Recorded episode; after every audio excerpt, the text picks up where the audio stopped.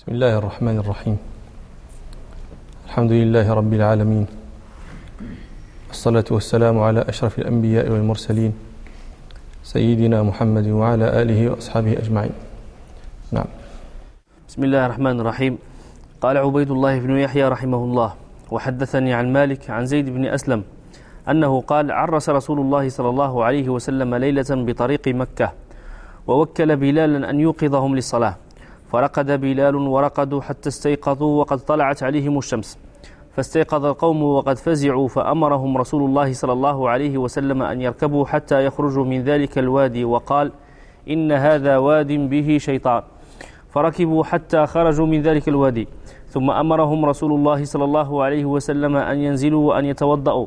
وأمر بلالا أن ينادي بالصلاة أو يقيم. فصلى رسول الله صلى الله عليه وسلم بالناس. ثم انصرف إليهم وقد رأى من فزعهم فقال يا أيها الناس إن الله قبض أرواحنا ولو شاء لردها إلينا في حين غير هذا. فإذا رقد أحدكم عن الصلاة أو نسيها ثم فزع إليها فليصليها كما كان يصليها في وقتها. ثم التفت رسول الله صلى الله عليه وسلم إلى أبي بكر فقال إن الشيطان أتى بلالا وهو قائم يصلي فأضجعه فلم يهدئه كما يهدأ الصبي حتى نام.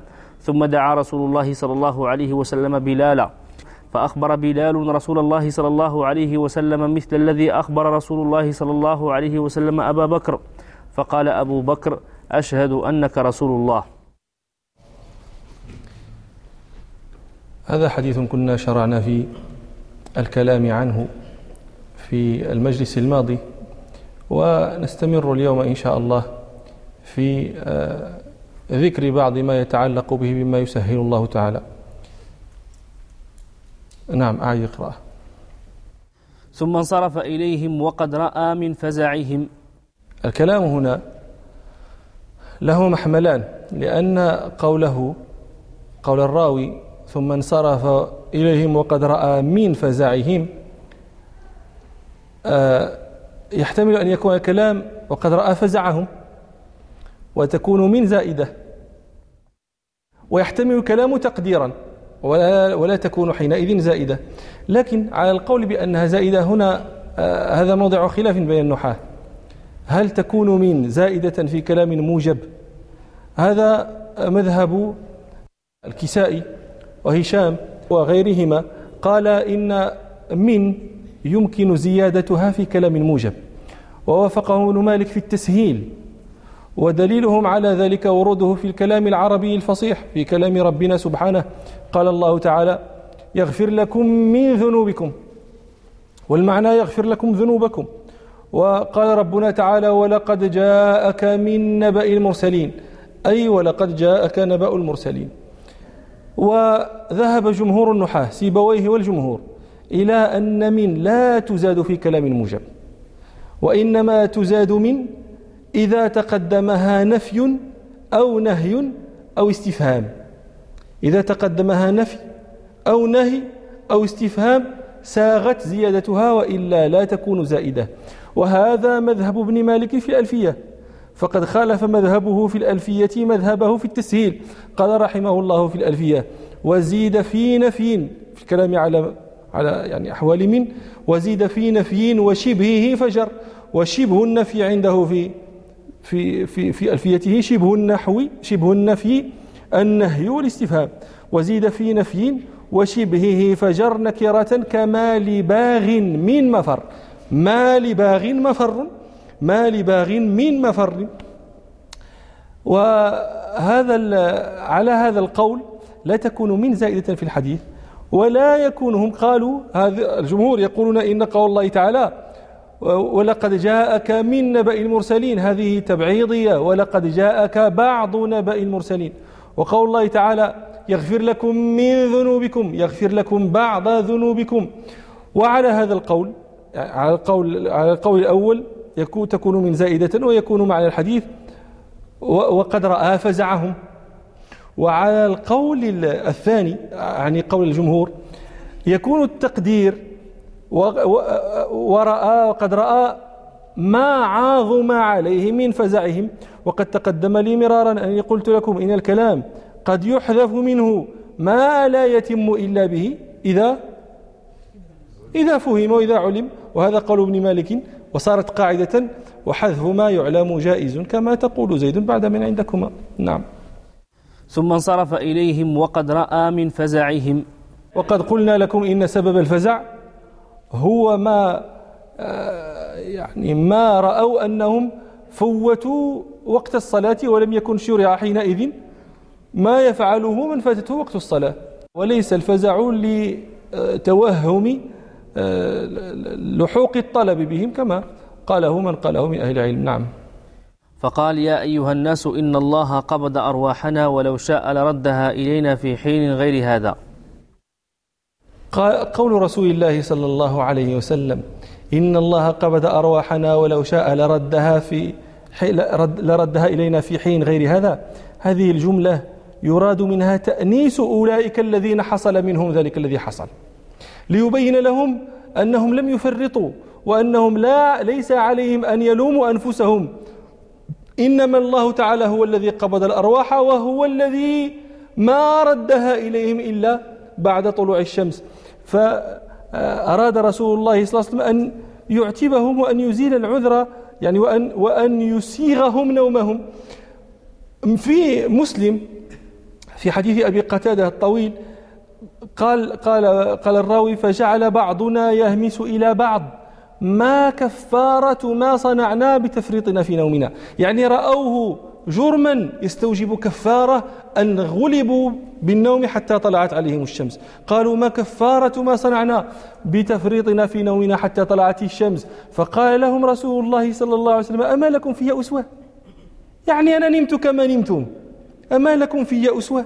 ثم قال صلى الله عليه وسلم يبين ما هو من هو المفرط وما هي التفريط. أما إنه ليس في النوم تفريط. إنما التفريط على الذي لم يصلي الصلاة حتى يجيء وقت الصلاة الأخرى. هذا المفرط.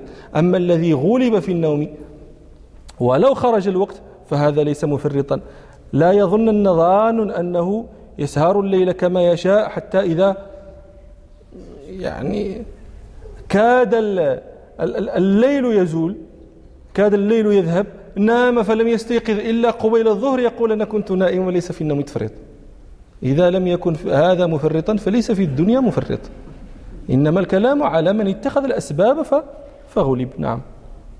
فإذا رقد أحدكم عن الصلاة أو نسيها ثم فزع إليها فليصليها كما كان يصليها في وقتها. روى الشيخان عن علي بن أبي طالب رضي الله عنه أن رسول الله صلى الله عليه وسلم طرقه وفاطمة بنت رسول الله صلى الله عليه وسلم. فقال لهم فقال لهما ألا تصلون؟ فقال علي رضي الله عنه يا رسول الله إنما أنفسنا بيد الله وإذا شاء أن يبعثنا بعثنا. فانصرف رسول الله صلى الله عليه وسلم حين قال له ما قال ولم يرجع إليه بشيء. وسمعه وهو وهو مدبر يضرب فخذه ويقول وكان الإنسان أكثر شيء جدلا. علي رضي الله عنه لم يزد أن يحتج بما ذكر النبي صلى الله عليه وسلم لأصحابه. هو قال لهم أما إنه ليس في النوم تفريط وإن الله الذي قبض الأرواح ويردها متى شاء. علي رضي الله عنه بهذا احتج لما طرقهم النبي صلى الله عليه وسلم وقال لهم ألا تصلون؟ يعني فقال علي يعني يستدل يحتج بما ذكره النبي صلى الله عليه وسلم. يا رسول الله إنما أنفسنا بيد الله. وإحنا ناعسين والله تعالى لو شاء أن نصلي لبعثنا ولقمنا ولصلينا. ولم يرضى النبي صلى الله عليه وسلم هذا الجواب. ما دليل عدم رضاه؟ أنه لم يرجع إليه شيئا وانصرف وهو يضرب فخذه ويقول يتلو قول الله تعالى وكان الإنسان أكثر شيء جدلا. يعني ما هذا الجدال؟ يعني كان الأولى ترك الجدال. فلماذا يغضب النبي صلى الله عليه وسلم جوابا ذكره هو إيناسا للناس؟ قالوا لأن النبي صلى الله عليه وسلم لم يرد أن يخف على علي ويسهل عليه تفويت الخير. أراده إذ فاته الخير أن يأسف عليه وأن يعظم عليه تفويت وقت وقت ينادي الله تعالى فيه الناس. وماشي يقول لي إحنا ناعسين إلا بغى الله نفيقوا راه غادي نفيقوا ما بغيناش إحنا تنتصنتوا لعظامنا وناعسين ولهذا يعني آه، مما أدركنا من الناس الذين كانوا يحرصون على الخير آه، أدركت رجلا من حملة كتاب الله انتقل إلى رحمة الله نرجو ذلك رحمة الله عليه. كان يخبرني وهو إذ ذاك قد قارب المئة من عمره. يقول لي إذا ذهبت لزيارته أنا أنا في وقت الحجة في الليل. وقلت لها الحجة نوضي نصلي. وراه دابا تفوت هذه الوقيتة ونوليو نادمين عليها. هؤلاء هؤلاء ناس كانوا يفقهون عن الله. أحد محفظي كتاب الله في بادية من بوادي المغرب. سألته مرة وقد كان مشارطا في في بعض البوادي فترك الشرط وانتهى ورجع إلى بيته. فسألته كيف حاله؟ فقال ما أخاف على شيء إلا خوفي على الركعتين اللتين كنت أركعهما في الليل.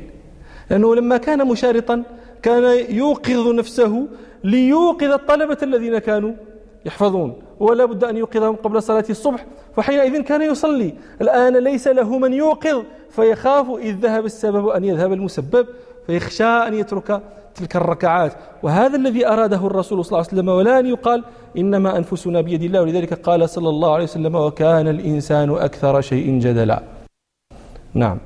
فإذا رقد أحدكم عن الصلاة أو نسيها ثم فزع إليها فليصليها كما كان يصليها في وقتها. من نام عن الصلاة ففزع إليها بعد وقتها فليصليها كما كان يصليها في وقتها بتمام أركانها وسائر أقوالها وأفعالها. وهذا الحديث دليل لمسألة تقدمت من مسائل مالك رحمه الله في الموطأ لما سئل عن المسافر الذي ينسى الصلاة حتى يقدم فقال يصليها معنى الكلام أنه يصليها سفرية فهذا دليل له لم نذكره في موضعه وهذا يعني أول ذكره أن المسافر الذي ينسى الصلاة حتى يدخل حتى يرجع إلى بلده ويكون الوقت قد خرج فحينئذ يصليها سفرية يصليها كما كان يصليها في وقتها. وكذلك الحاضر الذي يسافر وينسى الصلاة حتى يخرج وقتها وهو في سفر تذكرها فإنه يصليها حضرية. نعم وقد تقدم الكلام على هذه المسألة. ثم التفت رسول الله صلى الله عليه وسلم إلى أبي بكر فقال إن الشيطان أتى بلالا وهو قائم يصلي فأضجعه. ثم التفت رسول الله صلى الله عليه وسلم إلى إلى أبي بكر. أبو بكر رضي الله عنه أفضل هذه الأمة بعد نبيها صلى الله عليه وسلم. صاحب رسول الله صلى الله عليه وسلم وخليفته ورفيقه في المشاهد وهو اسمه عبد الله بن عثمان بن هذا هذا أبو قحافة هو عثمان. كنية عثمان أبو قحافة. طيب هو عبد الله بن عثمان بن بن عامر بن عمرو بن لا هو عبد الله بن عثمان بن عامر بن عمرو بن كعب بن سعد بن تيم بن مرة بن كعب بن لؤي بن غالب بن فهر بن مالك بن النضر بن كنانة بن خزيمة بن مدركة بن الياس بن مضر بن نزار بن معد بن عدنان. يلتقي نسبه مع رسول الله صلى الله عليه وسلم في في مرة بن كعب. فإن رسول الله صلى الله عليه وسلم هو محمد محمد بن عبد الله بن عبد المطلب بن هاشم بن عبد مناف بن قصي بن كلاب بن مرة. و, و أبو بكر هو من بني تيم بن مرة ولذلك يقال له التيمي القرشي آه، خليفة رسول الله صلى الله عليه وسلم وصاحبه آه، ولد بعد عام الفيل بسنتين ونصف. يعني ولد بعد ميلاد رسول الله صلى الله عليه وسلم بسنتين ومات بعد موت رسول الله صلى الله عليه وسلم بسنتين وكان عمره يوم مات مثل مثل عمر رسول الله صلى الله عليه وسلم يوم مات. آه ولد قلت لكم بعد آه, آه، عام الفيل بسنتين ونصف وكان صاحب رسول الله صلى الله عليه وسلم قبل بعثته ورافقه طيلة مقامه بمكة وكان صاحبه في الهجرة وفي الغار وفي المشاهد كلها إلى أن توفي رسول الله صلى الله عليه وسلم. وكان رضي الله عنه خفيف العارضين يعني له شعر خفيف على عارضيه وكان طويلا وأبيض وكان نحيفا. وكان أعلم قريش بأنسابها وبما لها من المناقب والمثالب.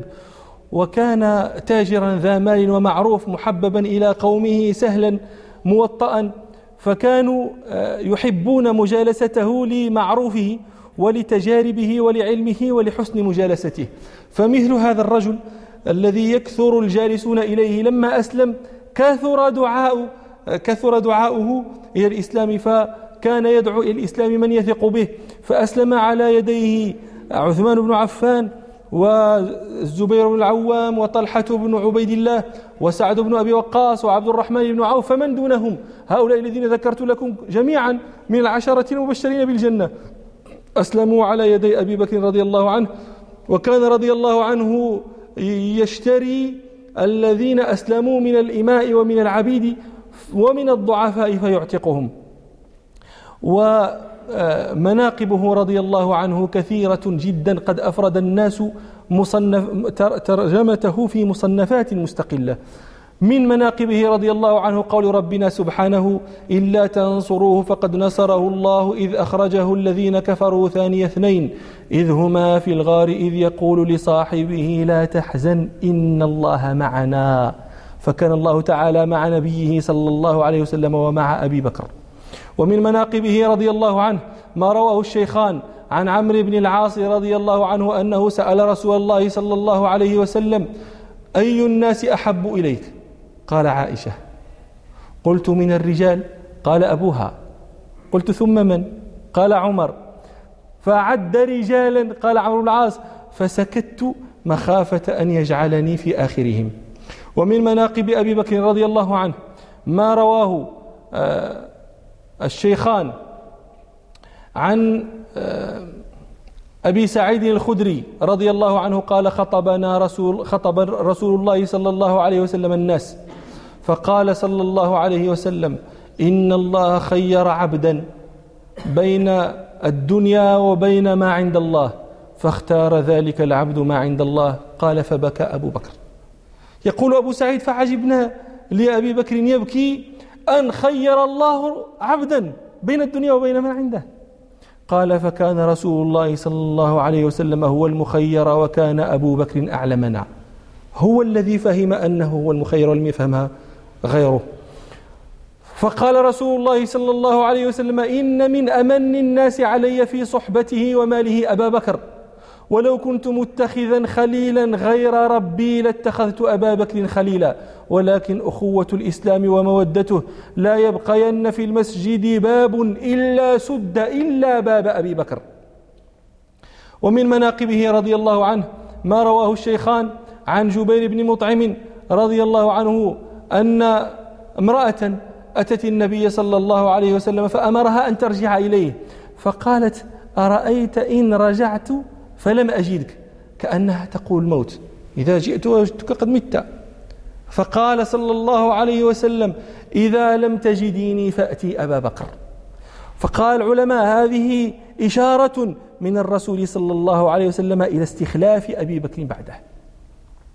ومن مناقب هي رضي الله عنه ما روى البخاري. عن أبي الدرداء رضي الله عنه قال كنت جالسا عند النبي صلى الله عليه وسلم إذ أقبل أبو بكر. آخذا آخذا بطرف ردائه حتى أبدى عن ركبته. فلما رآه النبي صلى الله عليه وسلم على تلك الهيئة قال رسول الله صلى الله عليه وسلم أما صاحبكم فقد غامر. أي خاصم دخل في غمرة الخصومة. فجاء فسلم وقال إني كان بيني وبين ابن الخطاب شيء فأسرعت إليه.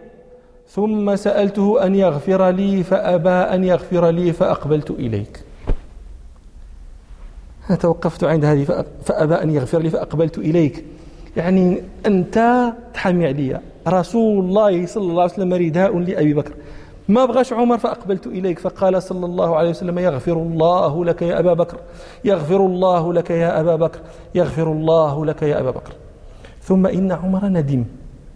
ندم علاش ما يسامحش أبي بكر لما قال لي سامحني. فجاء منزل أبي بكر فقال أثم أبو بكر؟ فقالوا لا.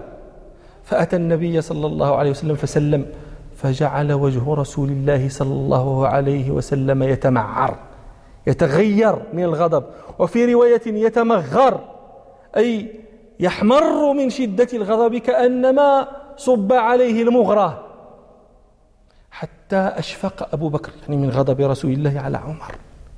حتى أشفق أبو بكر فجثى على ركبتيه وقال والله يا رسول الله أنا كنت أظلم أنا كنت أظلم. يعني باش, النبي صلى الله عليه وسلم يقول شي حاجة لأبي بكر.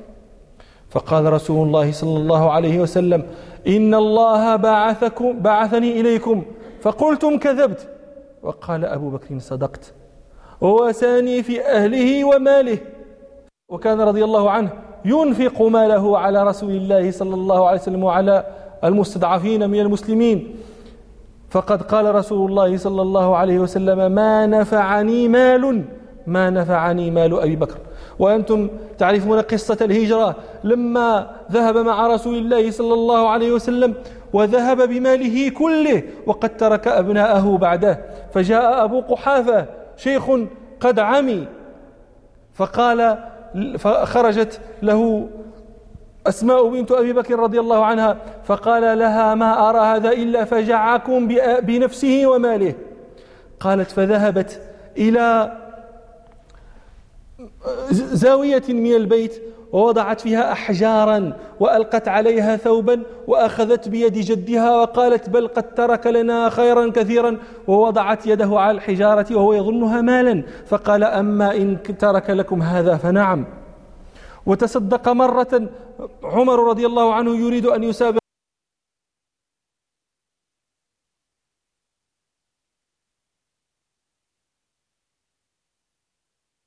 أبا بكر في المكرمات فتصدق مرة بنصف ماله وأتى به إلى النبي صلى الله عليه وسلم. فقال له رسول الله ما تركت لأبنائك؟ فقال تركت لهم مثله. وجاء أبو بكر فوضع مالا في حجر النبي صلى الله عليه وسلم فقال له ما تركت لأبنائك؟ قال تركت لهم الله ورسوله. فقال عمر لا أسابقك في خير بعدها فأنت لا تسبق بل لا تلحق. هذه زيادة من عندي.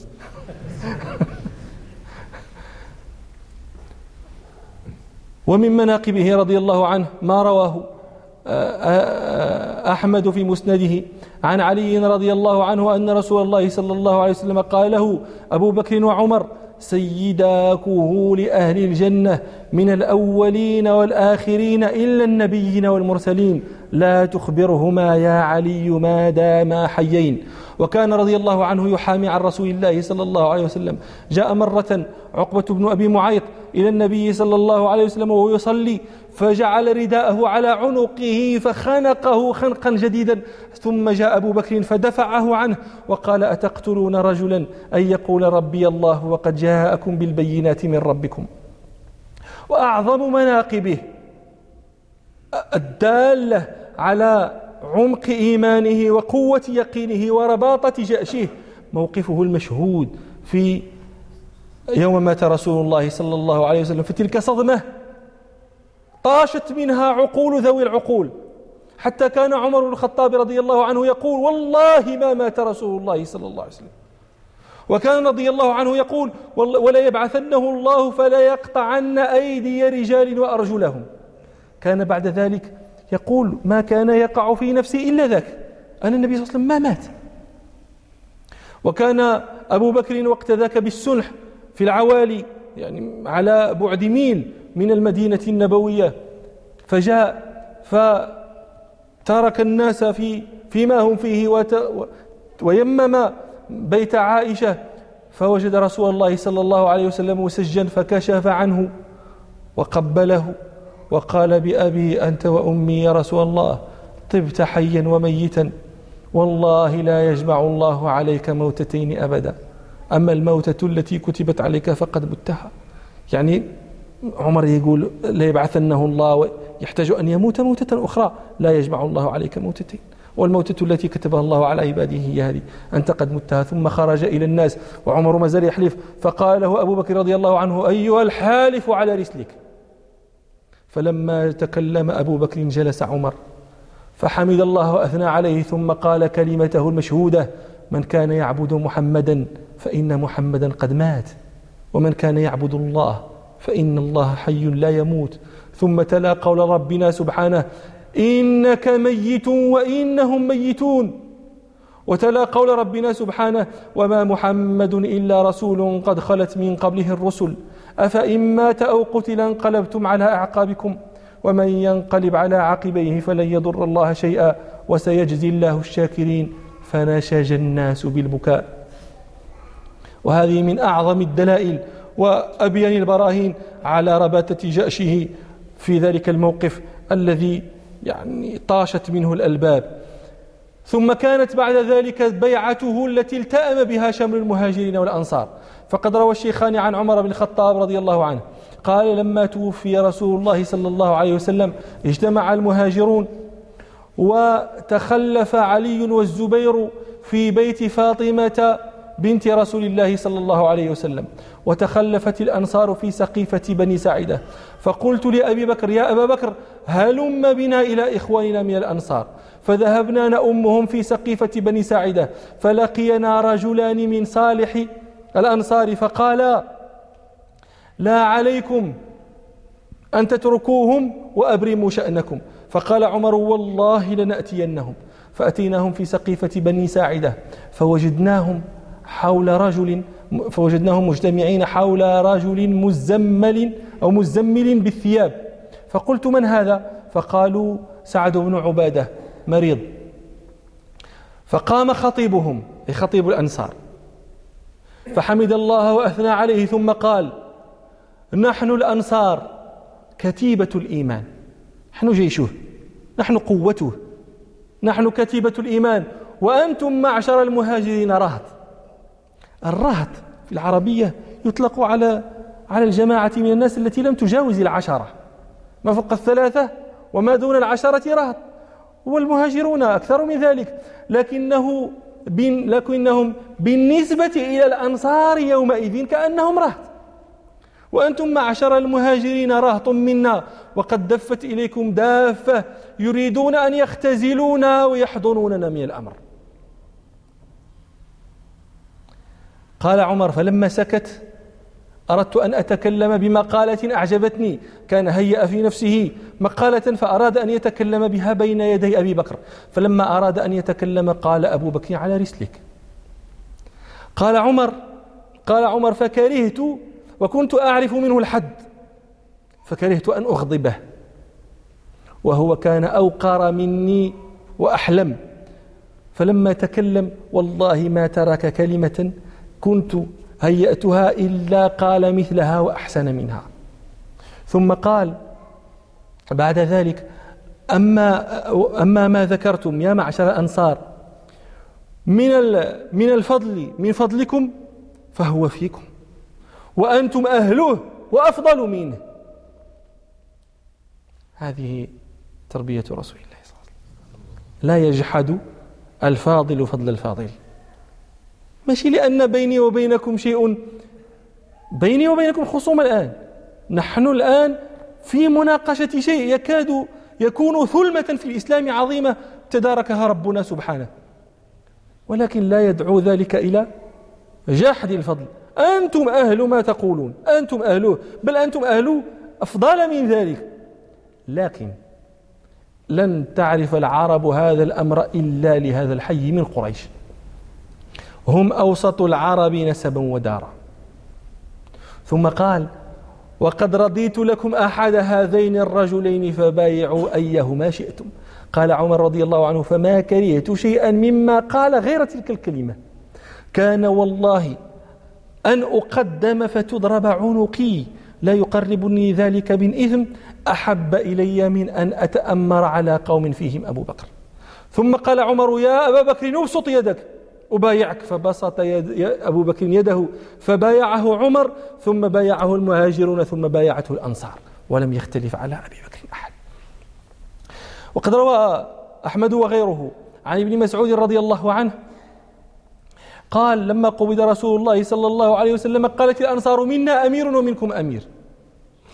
فقال عمر يا معشر الأنصار ألستم تعلمون أن رسول الله صلى الله عليه وسلم أمر أبا بكر أن يؤم الناس؟ قالوا بلى. قال فأيكم تطيب نفسه أن يتقدم أبا بكر؟ فقالوا نعوذ بالله أن نتقدم أبا بكر. وقالوا رضيهن أن رسول الله صلى الله عليه وسلم لديننا فنرضاه لدنيانا. ومناقبه رضي الله عنه كثيرة في قتال الأسد بالعنسي والسجاح المتنبئة وفي إنفاذ جيش أسامة. الرسول صلى الله عليه وسلم عندما مرض مرض موته قبيل ذلك كان عقد لأسامة بن زيد الراية على جيش على جيشه على جيشه صلى الله عليه وسلم لحرب الروم. فلما أن خرج الجيش من المدينة اشتد المرض برسول الله صلى الله عليه وسلم فمكثوا ينظرون ما يفعل الله بنبيه. فلما قبض رسول الله صلى الله عليه وسلم وأطل عنق الردة وصارت العرب ترتد وتمتنع من أداء الزكاة وولي خليفة رسول الله صلى الله عليه وسلم أراد أن ينفذ جيش أبي بكر جيش أسامة. فقال له عمر العرب ترتد والمدينة إذا أنفذ الجيش وذهب تكون المدينة لقمة سائغة لكل من يريدها من يبقى فيها العجزة والنساء والولدان من يحامي عنها من يدافع عنها. فقال أبو بكر ما كنت لأحل راية عقدتها يد رسول الله صلى الله عليه وسلم. هو عقد الراية الجيش يمشي. والله لأنفذن جيش أسامة ولو جرت الكلاب من خلاخل نساء رسول الله صلى الله عليه وسلم. فلما هذه؟ من بركات اتباع أوامر الرسول صلى الله عليه وسلم. لما أنفذ الجيش ماذا تقول العرب؟ تقول ما هؤلاء الناس؟ يموت نبيهم أمس وترتد العرب اليوم وينفذون جيشهم لقتال الروم. هذا لا يمكن أن لا يمكن أن يهجم عليهم في دارهم. لو ما كانت بهم قوة ما ما يعني ما أنفذوا هذا الجيش وما تركوا. لم يهجم أحد على المدينة من بركة نفرة ذلك الجيش من بركة إرسال ذلك الجيش من بركة اتباع أمر رسول الله صلى الله عليه وسلم. وقاتل المسيلمة الكذاب فقتله وفتح الفتوح رضي الله عنه وأرضاه ومات سنة ثلاث عشرة هجرة مناقب رضي الله كثيرة لا يسعها مجلس واحد. فعليكمها في كتب التاريخ وكتب السير. نعم. إن الشيطان أتى بلالا وهو قائم يصلي فأضجعه فلم يزل يهدئه كما يهدأ الصبي حتى نام. إن الشيطان أقبل إلى بلال وهو قائم يصلي فأضجعه. ثم شرع يهدئه. يهدئه أي يعني الذي يهدأ هو الصبي. تهدئه أمه إذا أرادته أن تربت على جنبه أو على ظهره تضرب عليه ضربا خفيفا رفيقا لينام. كذلك فعل إبليس ببلال هدأه كما تهدئ الأم صبيها. لي لينام. وهذا القول من رسول الله صلى الله عليه وسلم. ليبرز عذر بلال رضي الله عنه وليبين أن بلالا ما ترك حفظ ما أمره الرسول صلى الله عليه وسلم بحفظه إنما فعل ذلك ذلك مغلوبا. نعم. وهذه من شيمه صلى الله عليه وسلم أن يظهر عذر أصحابه حتى يزال اللوم عنهم. يقول لي شي واحد وانت النبي صلى الله عليه وسلم أمرك أن تركت ونمت واش هذا لا هو بلال أتاه الشيطان فهدأه وكان يصلي فاتاه وأرجعه وهدأه وما زال به يهدئه حتى نام فلا تلوموا بلالا. نعم. ثم دعا رسول الله صلى الله عليه وسلم بلالا فأخبر بلال رسول الله صلى الله عليه وسلم مثل الذي أخبر رسول الله صلى الله عليه وسلم أبا بكر. الآن بلال بعد أن أخبر النبي صلى الله عليه وسلم أبا بكر بهذا الذي سبق جاء بلال فأخبر رسول الله صلى الله عليه وسلم بذلك. أخبره بالذي أخبر به النبي صلى الله عليه وسلم أبا بكر. وهذه من دلائل نبوته صلى الله عليه وسلم لأن بلالا كان خاليا لما وقع ذلك له. فليس من طريق للنبي صلى الله عليه وسلم إلى معرفة ذلك إلا بالوحي من الله تعالى. ولذلك زيد فقال أبو بكر أشهد أنك رسول الله. لهذا قال أبو بكر أشهد أنك رسول الله. وقد كان يشهد لما تجدد في نفسه من الإيمان بتتالي العلامات الدالة على نبوته صلى الله عليه وسلم. نعم. قال الإمام مالك رحمه الله تعالى باب النهي عن الصلاة بالهاجرة. باب النهي عن الصلاة في الهاجرة الهاجرة هي آه، عندما تزول الشمس عند اشتداد الحر هذا هو وقت الهاجرة والنهي عن الصلاة فيه للكراهة كما سيأتي إن شاء الله في أحاديث الباب. نعم. قال عبيد الله بن يحيى رحمه الله حدثني يحيى عن مالك عن زيد بن أسلم عن عطاء بن يسار أن رسول الله صلى الله عليه وسلم قال إن شدة الحر من فيح جهنم فإذا اشتد الحر فأبردوا عن الصلاة. وقال اشتكت النار إلى ربها فقالت يا رب أكل بعضي بعضا.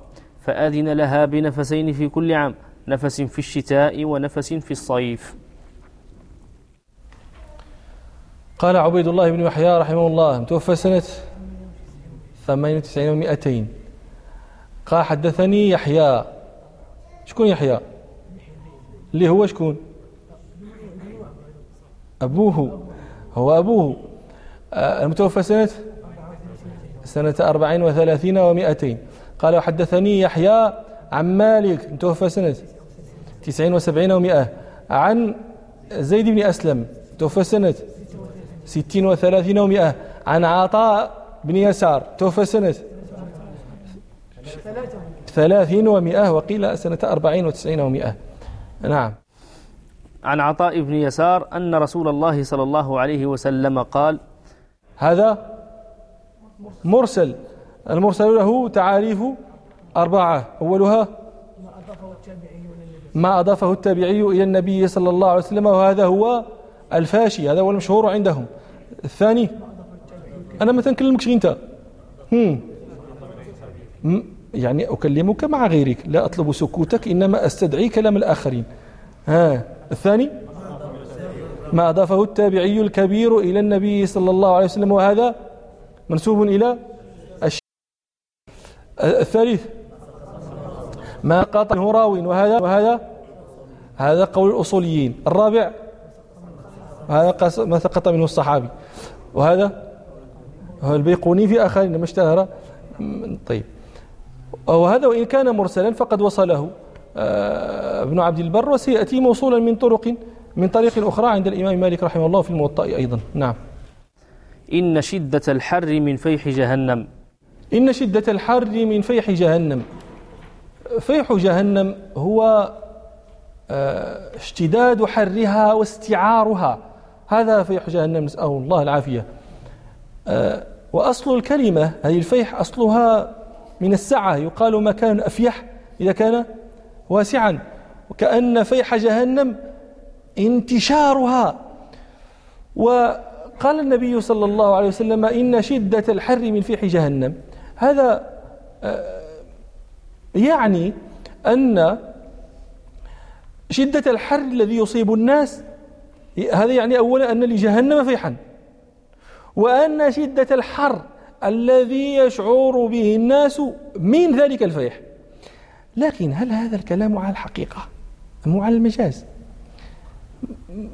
قالت طائفة من العلماء هذا الكلام على الحقيقة يعني أن النار نسأل الله العافية إذا اشتد حرها ذلك الاشتداد اشتداد ذلك الحر يحس به أهل الأرض لأن شدة الحر الذي يحسون به من ذلك الفيح من ذلك النفس الذي تتنفسه جهنم إذا اشتد حرها. وقالت طائفة العلماء إنما هذا مجاز مجاز تشبيه وليس حقيقة وليست حقيقة. كأن يعني كأن شدة الحر فيح جهنم. لا يعني هذا أن شدة الحر هي فيح جهنم حقيقة وهذا وإن كان له وجه إلا أن القول الأول وهو قول الجمهور هو الأرجح لماذا؟ لأن القاعدة أن الكلام إذا دار بين الحقيقة والمجاز فالأصل الحقيقة ما لم ترد قرينة تدل على أن المراد المجاز أو يأتي مانع يمنع من اعتبار الحقيقة. وهنا ليس لنا ليس عندنا مانع يمنع من آه، اعتبار الحقيقة وليس عندنا قرينة تدل على أن المعنى المراد هو المعنى المجازي. ولذلك الأصل أن هذا الحر الذي يحس به الناس هو من فيح جهنم. نسأل الله العافية. نعم. إن شدة الحر من فيح جهنم. قالوا في جهنم هذه الكلمة هي ممنوعة من الصرف. إن شدة الحر من فيح جهنم. مجرور بالإضافة وعلامته الفتحة لأنه ممنوع من الصرف. ما المانع له؟ هذا اختلفوا فيه لتعرفوا المانع. آه، ينبغي أن أذكر لكم أن أهل اللغة اختلفوا في كلمة جهنم. طائفة قالت هي عربية وطائفة قالت هي معربة. هي أصلها أعجمي. وهؤلاء الذين قالوا أصلها أعجمي اختلفوا من أي الأصول هي. فقال بعضهم هي من الفارسي المعرب. وقال بعضهم هي من العبرانية. في العبرانية كهنام. هذا ينظر الناس الذين يدرسون اللغة العبرية هل جهنم يطلق عليها. هذا أنا ما نظرت في ذلك. وقال بعضهم بل أصلها عربي. العرب تقول بئر جهنام أي بعيدة القعر. فسميت جهنم بذلك لأن قعرها بعيد. نسأل الله العافية. وعلى القول الأول يكون المانع لها من الصرف العلامية العلمية والعجمة. وعلى القول الثاني يكون لها المانع لها من الصرف العلمية والتأنيث. مما يدلكم على آه، بعد قعر جهنم ما رواه آه، مسلم في صحيحه عن أنس بن مالك رضي الله عنه قال كنا جلوسا عند رسول الله صلى الله عليه وسلم إذ سمع وجبة. الوجبة صوت سقوط الشيء منه قول الله تعالى فإذا وجبت جنوبها. إذا سقطت سمعت وجبة سمع سقطة شيء سقط. فقال لهم رسول الله صلى الله عليه وسلم تدرون ما هذا؟ قالوا الله ورسوله أعلم. قال هذا حجر رمي به في جهنم منذ سبعين خريفا فهو يهوي فيها سبعين عام وهذاك الحجر طايح في جهنم يهوي فيها الآن حتى انتهى إلى قعرها. نسأل الله العافية نسأل الله العافية. نعم. فإذا اشتد الحر فأبردوا عن الصلاة. فإذا اشتد الحر فأبردوا عن الصلاة. آه، أبردوا عن الصلاة أي أخروا الصلاة المقصود هنا بالصلاة صلاة الظهر لأنه هي التي تكون في وقت اشتداد الحر. أبردوها أي أدخلوها في وقت البرد. يعني أخروا وقتها شيئا حتى يبرد ال ال ال حتى ينقص اشتداد الحر. فالإبراد تقول العرب أبرد الرجل إذا دخل في وقت البرد. وهذا أبرد على وزني. أفعال قد تقدم لي في مجلس مضى. أنني قلت لكم إن أفعال لها معاني. لكن ما ذكرت لكم تلك المعاني اليوم إن شاء الله نذكر لكم هذه المعاني التي تأتي لها أفعال في كلام العرب. أشهر هذه المعاني أحد عشر معنى. جمعها ابن زين رحمه الله في توشيحه للامية ابن مالك. عند قول ابن مالك بأفعال كأفعال فعل يأتي بالزيادة مع ولا وولى استقام حرنج من فصل هذا يقول ابن مالك. في لامية الأفعال. يقول ابن زين بأفعل استغني أو طاوع مجرده وللإزالة والوجدان قد حصل وقد يوافق مفتوحا ومنكسرا ثلاثيا كوعاه المرء قد نمل. أعين وكثير وصير عرضن به وللبلوغ كأمآ جعفر إبلا وعدين به وأطلقنا وقس ونقلنا غيرها من هذه نقلا قوله رحمه الله أش بأفعل استغني. تجيء أفعل دالة على الاستغناء. يعني تجيء مغنية عن الثلاثي. عن الثلاثي من مادة ذلك الرباعي. مثلا تقول العرب أقسم فلان. بمعنى حلف. هذا الرباعي استغني به عن الثلاثي من مادته بمعناه. استغني بالرباعي أقسم عن الثلاثي من مادته قسم بمعنى أقسم بمعنى حلف العرب تقول قسم لكنها لا تقصد بها معنى حلف. مفهوم؟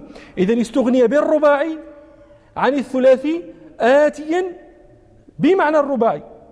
فتقول العرب أقسم استغنت بهذا الرباعي عن الثلاثي من مادته وهو بمعنى ذلك الثلاثي الذي هو قسم. ومثل ذلك أيضا أفلح بمعنى فاز. العرب استغنت بأفلح الرباعي عن الثلاثي من مادته وهو فلح. العرب تقول فلح فلح الأرض شقها لكن لا تقول فلح بمعنى فاز إنما استغنت ب عن فلح ب بأفلح. هذا معنى قوله بأفعل استغني. تقول مثلا بعضهم يمثل كثير من شراح لمية الأفعال. يمثل لهذا الاستغناء بأناب. أناب معناها تاب.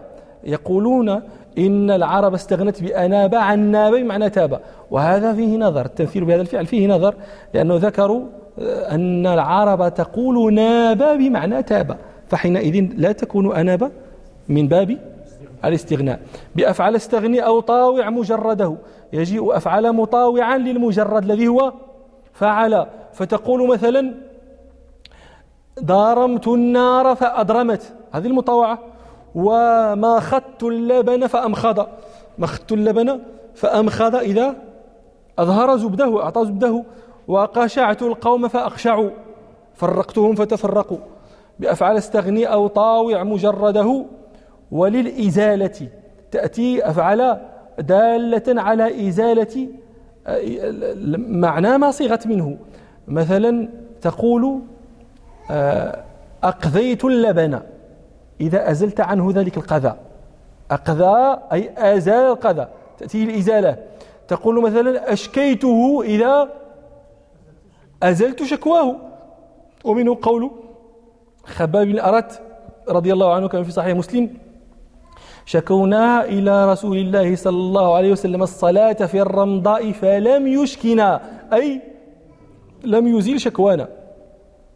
وللإزالة والوجدان قد حصل تأتي أفعال دالة على وجدان معنى ما صيغت منه. مثلا تقول أكذبته إذا وجدته كاذبا. ومنه قول ربنا سبحانه فإنهم لا يكذبونك. هذه في قراءة نافع والكسائي. الباقون يقرؤون فإنهم لا يكذبونك. النافع والكسائي يقرآن فإنهم لا يكذبونك. أي لا يجدونك كاذبا. لا يكذبونك يراها واضحة. وقد قال ابن آه، ابن السكيث في كتابه إصلاح المنطق قال عمرو بن معدي كريب لبني سليم قد آه، قد قاتلناكم فما أجبناكم. وسألناكم فما أبخلناكم وهاجيناكم فما أفحمناكم. هذا الخاص شو هذا العرب. الخصم يقول لخصمه هذا الشيء يعني الناس تذكى ما كاينش يقول لك غلبته شكون غلبتيه قداش؟ فيه جوج كيلو غلبتيه. وهل يمدح الإنسان إذا إذا غلب مغلبا؟ هو مغلب هذا يغلبه كل من هب ودب. تقول أنا غلبته لا يمدح الإنسان مثل هذا. ولذلك كانوا يمدحون خصومهم. حتى إذا غلبه قد غلب يكون يكون قد غلب بطلا قوي الشكيمة شديد البأس. يقول يقول عنترة في معلقته ومدجج كره الكمات نزاله. عامر السلاح مدجج. كره الكمات الأبطال الشجعان. كرهوا نزاله خوفا منه. يصفه بالشجاعة وبالرجولية وبشدة بشدة البأس وبكثرة السلاح. ومدجج كره الكموات نزاله لا ممعن هربا ولا مستسلم لا يفر من خصمه ولا يستسلم يعني يا قاتل يا مقتول. لا ممعن هربا ولا مستسلم هو هذاك اللي بغيت. جادت يدي جادت يدي له بمارين طعنة بمثقف صدق القناة مقوم إلى آخره. يصفون خصومهم بالشجاعة لأن يمدح إذا غلب مثل هذا. قال عمرو بن عدي كريب لبني سليم قد قاتلناكم فما أجبناكم. هذا موضع الشاهد. أجبناكم أي وجدناكم جبناء ما وجدناكم جبناء. وسألناكم فما أبخلناكم. أي ما وجدناكم بخلاء. وهاجيناكم فما أفحمناكم أي ما وجدناكم مفحمين. وللإزالة والوجدان قد قد حصل وقد يوافق مفتوحا ومنكسرا ثلاثيا. قد يوافق أفعل في معناه الثلاثية. فعل منفتحا ومنكسرا يعني يوافق أفعل فعل ويوافق أفعل فاعل وقد أعطى مثالين هو. كوعى والمرء قد نمل. وقد يوافق مفتوحا ومنكسرا ثلاثيا كوعى تقول وعى وأوعى. معنى واحد. جمع. ووحى وأوحى. وسارى وأسرى. هذه وافقت أفعل معنى فعل. ويأتي أيضا موافقا لفاعل تقول مثلا أظلم الليل وظلم الليل. وتقول مثلا ذاعينا وأذعنا. هذا أيضا من الموافقة. زيد غير زيد غير اش قلت أنا؟ بأفعل استغني أو طاوع مجرده والإزالة والوجدان قد حصل وقد يوافق مفتوحا ومنكسرا ثلاثيا كوعى والمرء, والمرء قد نمل. أعن تأتي دالة على إعانة ما صيغت منه كأحلبته إذا أعنته على الحلب وآذته إذا أعنته على الذود وهو المدافعة. أعين وكثير تأتي دالة على تكثير ما صيغت منه. مثاله أعال الرجل أعال الرجل كثرت عياله. أضبت الأرض كثرت ضبابها. أضبات الأرض كثرت ضباؤها أعين وكثير وصير. كقول الله تعالى كقول كقولنا مثلا آه، أماته أي صيره ميتا. أقبره صيره ممن يقبر. قول الله تعالى ثم أماته فأقبره أعين وكثير وصير. عرضن به وتأتي دالة على تعريض التعريض لمعنى ما صيغت منه. وذلك مثل قولك. مثلا أبعت الدار. عرضتها عرضتها للبيع. عرضتها للبيع. أقتلت الفارس. إذا عرضته للقتل. أعين وكثر وصير. عرضن به وللبلوغ. هي هذه. كأم آ جعفر إبلا. هذه تأتي البلوغ يأتي في العدد وفي المكان وفي الزمان هو ذكر مثال المكان كأم آ أم آ. جعفر إبلا أي صارت إبله مئة. أثلاثة الدراهم. صارت ثلاثين. أربعات اللهم أثلث دراهمنا أربعة وأخمسة ياك كأم هذا في العدد. تأتي في المكان. تقول مثلا آه، آه، أتهم الرجل إذا بالغ تهامه وأنجد إذا بلغ نجدا وأعرق إذا بلغ العراق وتقول أصبح إذا بلغ الصباح هذا في الزمن وأمسى وأبرد إذا دخل في البرد. وعدين به. هذا آخر معاني المعنى الحادي عشر. تأتي للتعدية. أفعل؟ تأتي للتعدية. فإذا كان الفعل الثلاثي لازما صار معدا إلى مفعول واحد. وإذا كان متعديا إلى مفعول واحد صار معدا صار متعديا مفعولين. فمثلا تقول طال الثوب هذا لازم. وتقول آطلت الثوب فعديته صار متعديا مفعول واحد. وتقول مثلا آآ آآ لابس الثوب هذا متعدين إلى مفعول واحد. وتقول ألبسته الثوب صار متعديا إلى مفعولين. هذه آه، جملة معاني آه، أفعل في لغة العرب نكتفي بهذا. سبحانك اللهم وبحمدك أشهد أن لا إله إلا أنت أستغفرك وأتوب إليك والحمد لله رب العالمين.